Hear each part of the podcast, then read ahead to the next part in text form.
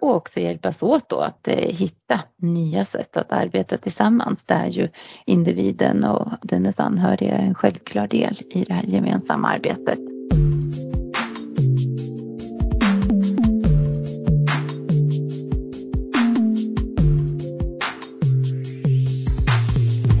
Hej och välkommen till FoU-podden. För ungefär ett år sedan spelade vi in ett eh, första avsnitt om nära vård i Sörmland. Och det här avsnittet är en fortsättning på det avsnittet och kommer att handla om målbilden och fokusområden och sen lite vad nära vårdarbetet innebär ute i verksamheten.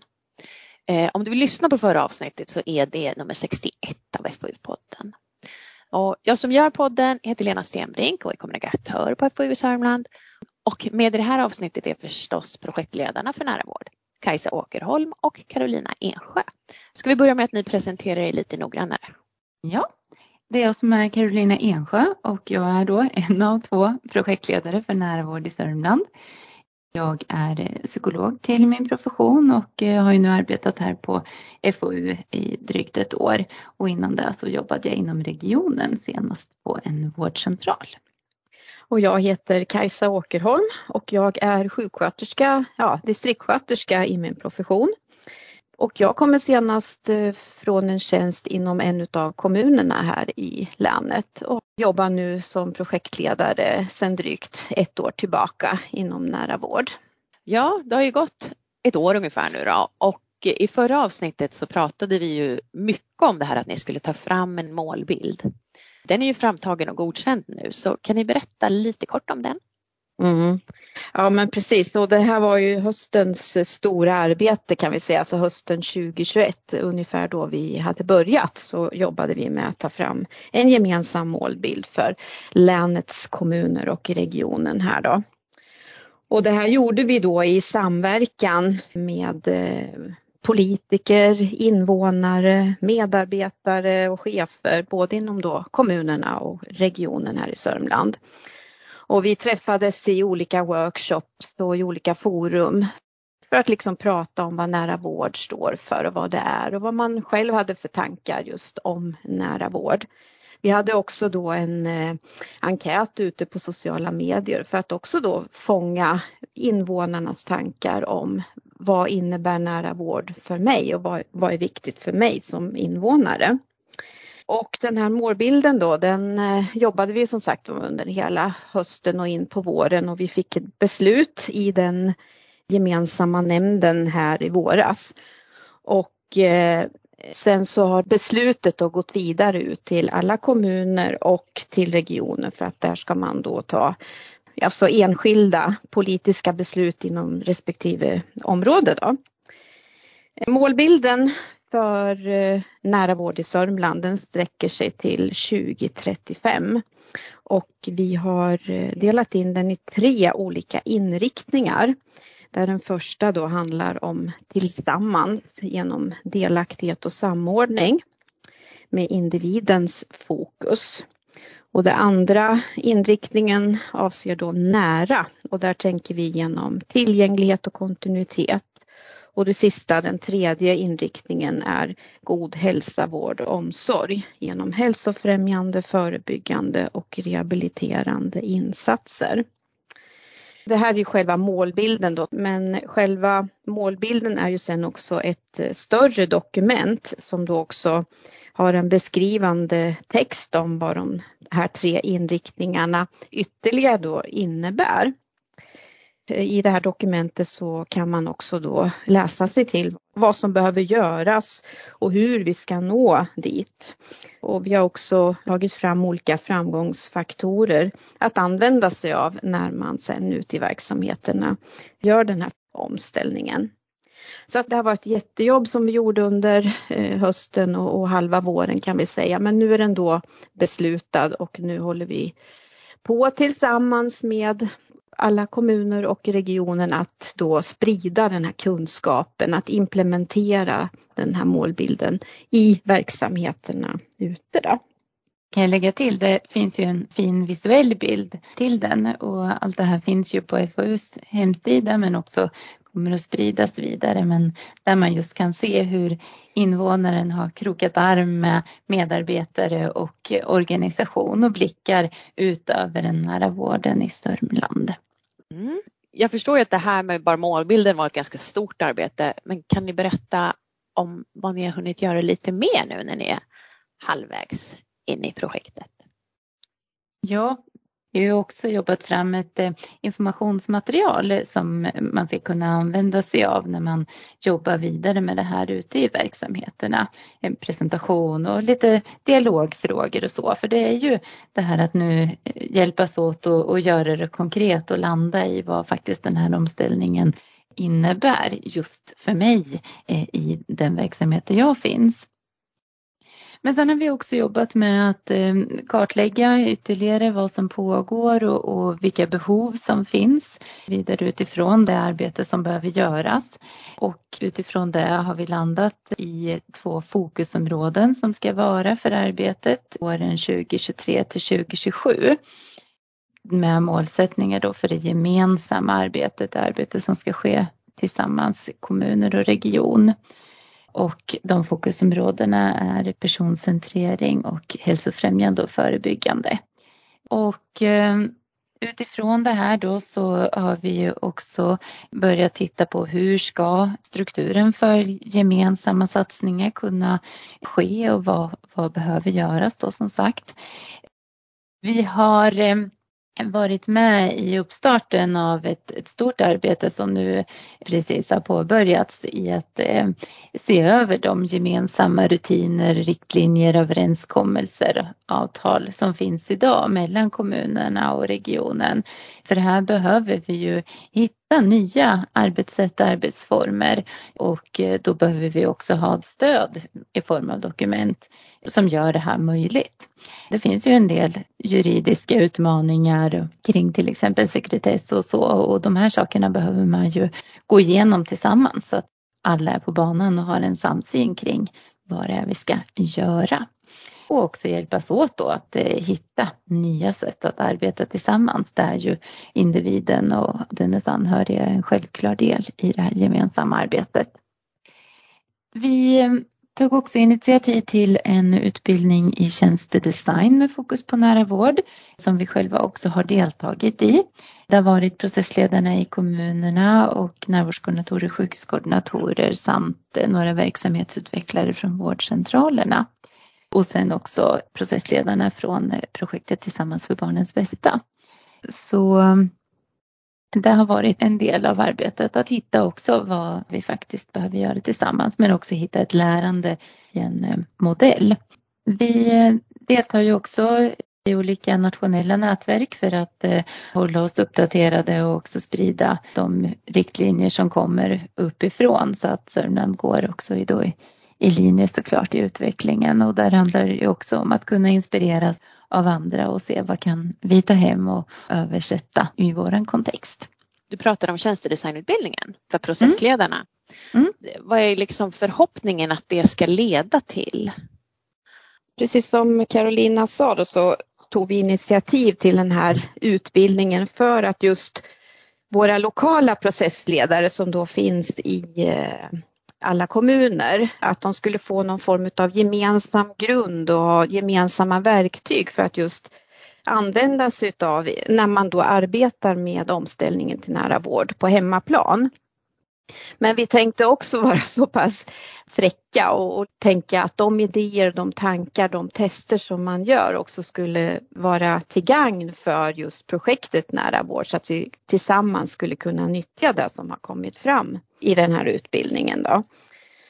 Och tjänstedesign det är ju en metod för verksamheter att arbeta med just innovativa lösningar tillsammans med de som ska användas utav det här arbetet. Då.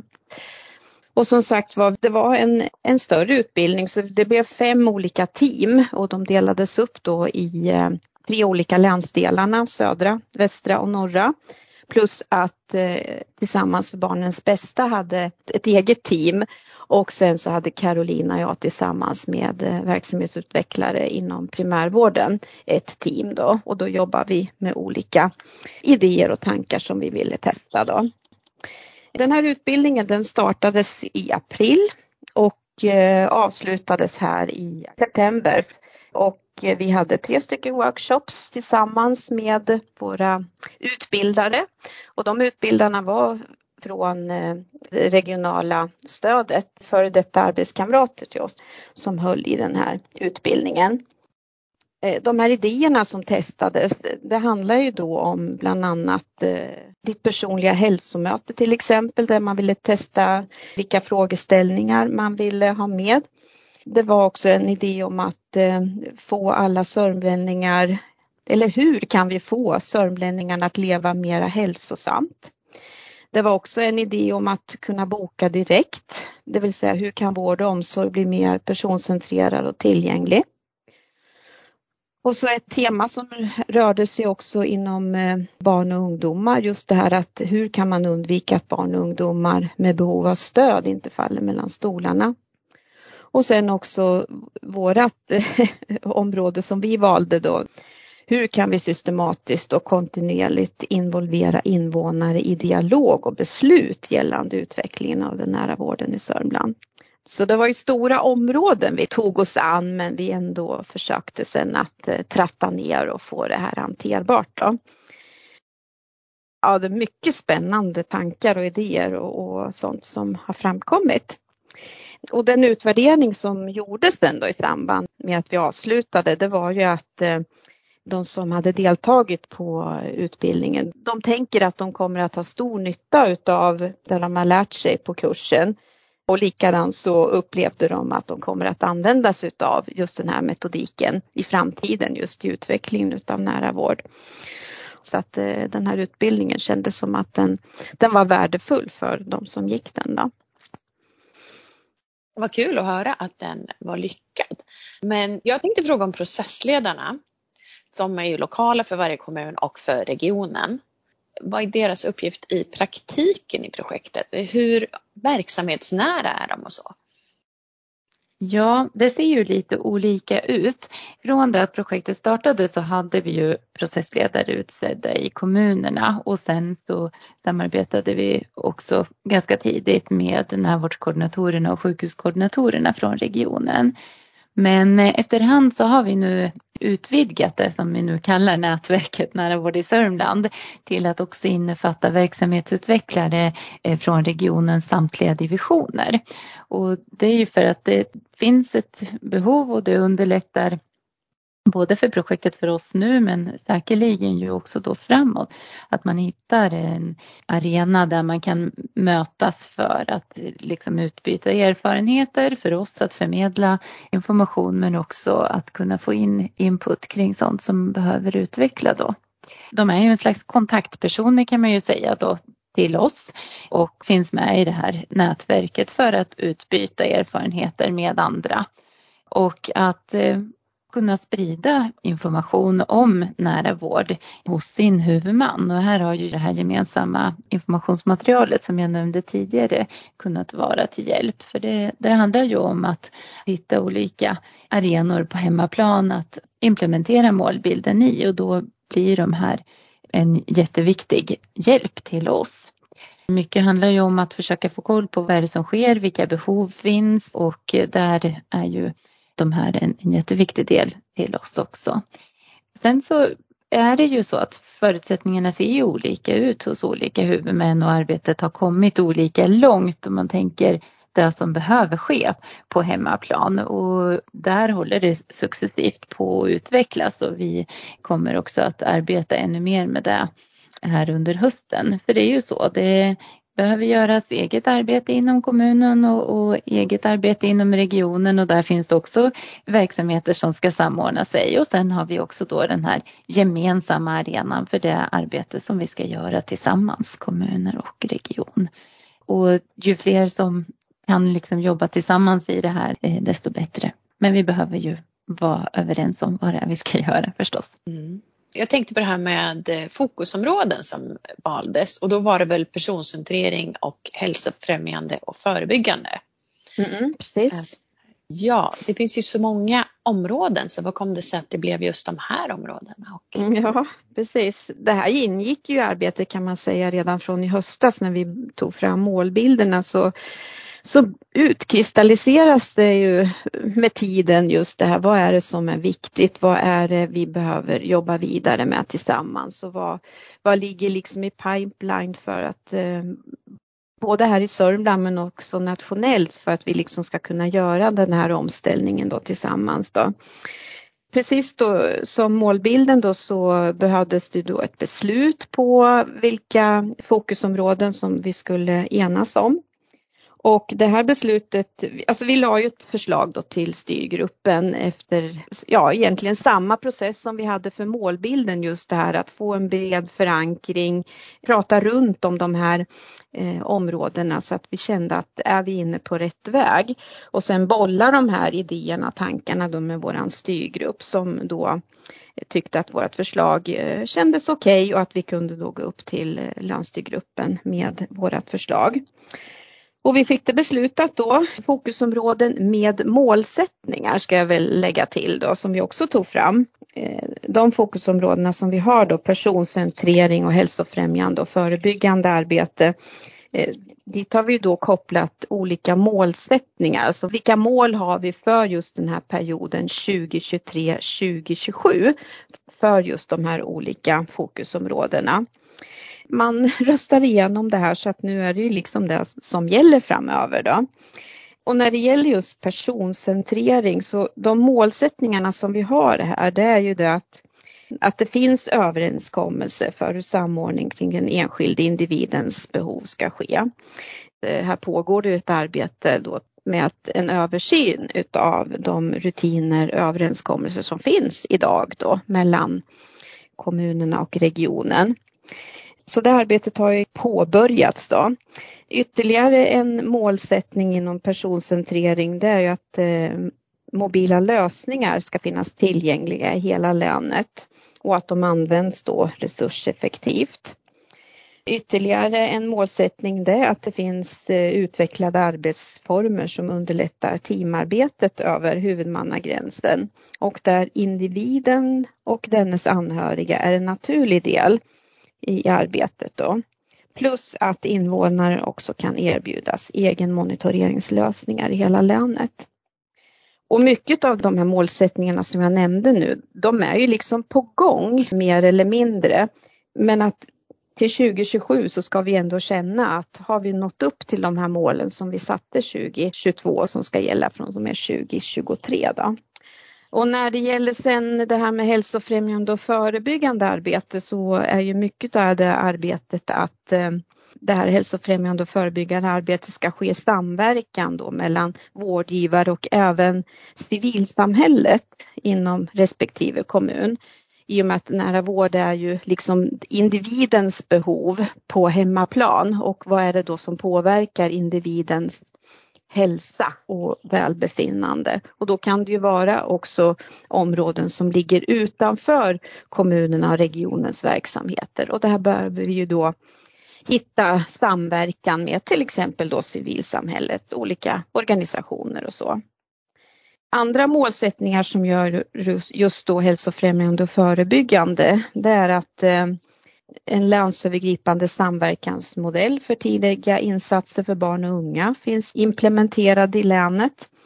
Att en länsövergripande samverkansmodell för arbetet med unga vuxna med psykosocial problematik finns implementerad i hela länet. Och med utgångspunkt i den här samsjuklighetsutredningen som då gäller personer med både skadligt bruk och psykisk sjukdom ska gemensamma överenskommelser och arbetsformer tas fram. Och det här är ju då arbeten som eh, pågår både här i regionen men också på nationell nivå som behöver då brytas ner så att vi här i Sörmland kan jobba vidare med just de här frågeställningarna. Då. Men som sagt var, din fråga Lena just om varför just de här områdena så känns det ändå som att det här känns viktiga områden att vi börjar med. Sen är ju tanken att man eh, årligen eller med de intervaller som man beslutar sig om i landsstyrgruppen liksom tittar över vad är det vi behöver satsa på de närmaste åren framöver? Och det här är ju ett arbete sen som måste rulla på så att vi hela tiden har det här med målbilden 2035 framför oss när, när vi planerar gemensamma satsningar framöver. Då. Men just nu för de närmaste åren 2023-2027 så är det just då det personcentrering och hälsofrämjande och förebyggande arbete utifrån de målsättningar som vi också har tagit fram. Det är ganska bra målsättningar känner jag för att det är så lätt att tänka att nära vård bara handlar om vård. Men med mm. den målsättningen blir det ändå tydligt att det faktiskt inte bara är vård utan att det även är hela hälsan det handlar om. Precis. Ja. Sen, jag fastnade lite på det här du sa mobila lösningar var en del. Har ni något exempel på mobila lösningar? Ja, det pågår ju arbeten både i eh, södra länsdelen och västra länsdelen eh, där man har samverkan med just mobila team, till exempel med läkare, hembesök och så vidare och där även ambulansen också är involverad. Det pågår ju egna initiativ ute i verksamheterna med just de här bitarna. Då. Så det som egentligen innebär när man säger mobila team det är att vården kommer till personerna istället för tvärtom? Så kan man ju säga. Just det här att eh, man utgår från det behovet och de förutsättningar som den enskilde individen har. Kan man ta sig till en vårdinrättning så är väl det det optimala kanske beroende på vad det gäller för någonting. Men självklart så ska mobila lösningar kunna erbjudas ifall den enskilde att det är en fördel för den enskilde individen att, att få ett besök i hemmet, absolut. Mm. Det kan man ju också tänka kring just de digitala möjligheterna för det är ju så att vården kan komma hem till individen på olika sätt. Också till exempel med hjälp av ett digitalt möte med vården och där har man ju testat också just att kanske kommunen kommer hem och kopplar upp sig sen då mot regionens vårdgivare så att man kan mötas tillsammans med patienten alla tre. Så att eh, här har vi bara sett början och vi behöver tänka just flexibelt. Mm. Går det att beskriva lite mer konkret vad det här skulle kunna innebära för personer som jobbar inom vården, alltså för personalen och även för kanske medborgarna? Och... Ja men absolut, det, det handlar ju om att hitta aktiviteter i vardagen och just när det kommer till det här med ett personcentrerat arbetssätt så, så handlar det ju så mycket om att skapa relationer och, och bygga ett, ett partnerskap. Att eh, ta tillvara individens egna kunskaper om sig själv och det här är en stor utmaning för det handlar ju inte om att vi ska lägga över allting på patienten utan att vi ska göra tillsammans. En stor del är ju i det här att faktiskt fråga och prata om vilka förväntningar har eh, den som, som kommer till, till vården men för all del också omsorgen. Så att man utgår utifrån det sen då bygger det som blir bäst utifrån då professionell bedömning såklart. Men utifrån vad som är viktigt för individen. Och här kan man ju tänka också då just hur kan vi få till en mer sömlös vård som man pratar om? Kan vi samordna besök mellan olika mottagningar och verksamheter och eh, kanske hitta fler gemensamma besöksformer. Det här som jag nämnde alldeles nyss, hur vi kan använda det digitala eh, mer för att faktiskt kunna mötas tillsammans och inte bara prata om varandra utan få delaktighet på riktigt. Och eh, eh, man jobbar ju också med hur eh, individen kan göras mer delaktig i, i just dokumentationen kring planer och vad som, vad som faktiskt är bestämt. Så att vi hoppas ju mycket på att det ska finnas mera tillgängligt till exempel via 1177 så att man kan ha ett annat utbyte och vara mer delaktig. Och där om man tänker just som personal då så handlar det ju såklart om att bjuda in till det här mötet på olika sätt, att våga fråga och att också invånare ges information om att de kan ställa frågor, att man vill skapa den här vården tillsammans. Och där så kan ju just också tjänstedesign vara en jättebra ingång om man nu till exempel tänker att man har några arbetsformer som man vill utveckla ytterligare. När det kommer till hälsofrämjande och förebyggande sen så handlar det ju just om att främja hälsan, att vi förstärker det vi vill se mer av, gör det som liksom gynnar individen och sen att förebygga mer att kunna se vad kan vi göra för att förhindra att det blir en försämring. Vi kan se det kanske redan i förväg för vissa men eh, att jobba då liksom också på olika nivåer. Dels är det ju i, i mötet med individen kanske om man tänker att man pratar kring levnadsvanor, att även där utforska vad, vad är dina behov i det här och vad är viktigt för dig? Om man nu också tänker att man ska göra en förändring. Men sen också just att ge förutsättningar till till exempel egenvård. Och det kan ju vara på, på alla olika nivåer. Men kanske framförallt om man ser till de som lever med kronisk sjukdom. Att här har vi ju eh, mycket potential att utveckla att kunna leva ett, ett gott liv. Och att veta vad man själv kan göra för det. Men sen också för att då förhindra att man försämras i sin sjukdom. Och eh, det här kan man ju också tänka, det är ju, det är ju som jag sa på flera nivåer för om vi ser mer på, på befolkningsnivå så har vi ju också utsatta, speciellt utsatta riskgrupper eller så och där kan man ju behöva göra riktade insatser. Kommunen får ju också data just kring hälsa och se vilka är det vi kanske behöver lägga lite extra krut på. Och sen om man också tänker där att, att ge förutsättningar för rörelse, att vi ser till att det går lätt att cykla eller vilka kan vi samverka med för att faktiskt få igång våra individer som till exempel med föreningar och så. Och här tänker jag också just att det blir väldigt viktigt att det finns eh, i styr och ledning, att man har med de här perspektiven för att det är ju väldigt lätt att det är de akuta delarna som såklart märks mest.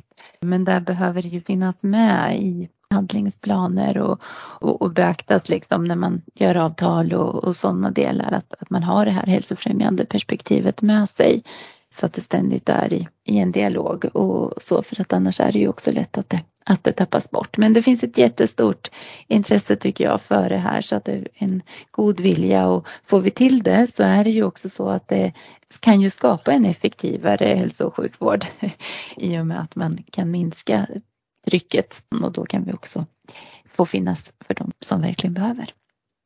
Det jag tänkte på var att som alla utvecklingsarbeten så behöver det ju utvärderas också. Och för att kunna göra det så vet jag att ni har tagit fram indikatorer. Eh, vi kan väl säga så här att det här är vårt eh, största fokus nu för höstens arbete.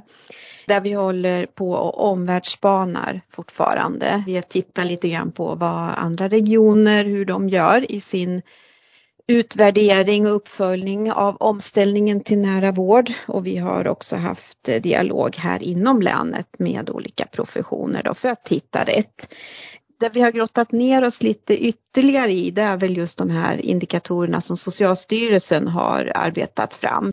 Som de ger som förslag på att man ska kunna använda sig för att kunna mäta just då omställningen till den nära vården. Och det känns ju angeläget och viktigt att vi nyttjar och använder det som redan är framtaget som också känns som att det är förankrat och att det också visar på effekterna utav omställningen och att det är testat utav man säger, nationella organ. Ja, det känns ju bra att Socialstyrelsen och även SKR har kikat på de här förslagen till indikatorer och att, att vi använder dem sen ute i landet för omställningen. Men vi tänker också det här att eh, de regionala eller lokala insatserna, aktiviteterna som kommer att göras inom ramen då för nära vård framöver, att man verkligen tar till sig de indikatorer, de utvärderingar som finns för att hitta rätt i det här och att man har med sig utvärdering i arbetet redan när man startar upp någonting. För det känns ju viktigt att där vi tänker oss att vi vill göra, att vi ser att, eh, att det når de effekterna som vi, vi vill nå med de omställningsuppdrag som vi gör. Då. Så det är väl ett medskick som vi tänker att vi, vi behöver eh, få in i, i eh, de arbetena som startas upp under tiden som vi finns kvar här i projektet i alla fall. Då. Men som sagt var, de här indikatorerna, vi kan inte säga att vi har dem på platsen men vi håller på och jobbar med dem för fullt för att vi ska få dem på plats. Och det är väl tanken att vi förhoppningsvis innan årsskiftet ändå har ett förslag som vi har lagt upp till våran styrgrupp och kanske också även till landstyrgruppen då för att komma vidare med. Så det förstår jag att det är någonting ni kommer fortsätta att jobba med mm. nu. Har ni er andra saker nu som ska ske innan ert projekt är slut? Ja, det är ju just att landa lite i det här förslaget hur de gemensamma satsningarna ska kunna rulla på i den strukturen som finns och vad som behöver utvecklas i, relation till det. Eh, så att det finns en, en gemensam plan för det fortsatta arbetet. Och ehm, där är ju också då det här arbetet med de gemensamma rutinerna och riktlinjerna som jag nämnde tidigare en, en viktig del för att också fånga upp vad är det som behöver göras framöver och hur vi kan testa och utarbeta vissa förslag på gemensamma satsningar i relation till dem då. Så att det, det är mycket där. Sen är det ju också att fortsätta hjälpa till att, att konkretisera målbilden där det behövs, att stötta upp vidare arbete framåt. Så att ehm, det, ja. Vi har ju anställt en doktorand också för det här projektet. Kan ni bara jättekort säga vad syftet med det är? Precis, det är anställd en doktorand som började nu under hösten och har ett fyraårigt uppdrag för att titta på omställningen till en nära vård i Sörmland. Och huvudsyftet är ju att studera omställningen till en personcentrerad nära vård och omsorg i Sörmland på totalen. Då. Det här känns jättespännande och eh, förhoppningsvis att det leder till en insikt om eh, just nära vårdarbetet och implementeringen av målbilden i Sörmland. Mm. Ja, vi kommer ju väldigt troligt även spela in ja. där hon själv får berätta också. Precis, ja. Är det någonting som ni känner att ni vill tillägga? Men man kan väl säga ändå just det här att det, det, är ju en utmaning såklart i att, att göra det här konkret eftersom det finns ju mm. inget facit och där handlar det ju mycket om att hjälpas åt, bolla tankar och idéer och där är ju Kajsa och jag öppna för att hjälpa till när det finns. Så att, eh, man ska inte tveka att höra av sig till oss om man har funderingar. Mm. Nej, men jag vill också bara säga just det här att omställningen till nära vård det är ju ingenting som blir klart på ett, två, tre, fyra, tio år utan det här är en omställning utav hela vården och omsorgen som genomförs både här i Sörmland men också på nationell nivå på grund av att det finns ett behov att vi gör den här omställningen för att välfärden ska kunna fortleva och att vi ska kunna ta hand och vårda, hjälpa, hantera de personer som behöver vård och omsorg i framtiden. Så att det är ingen quick fix utan det här är ju ett långsiktigt arbete som pågår. Mm. Men då får jag säga tack så jättemycket för att ni var med i den här podden. Tack! Och till dig som har lyssnat så vill jag förstås säga tack så mycket för att du har lyssnat. Ha en jättefin dag. Hej hej!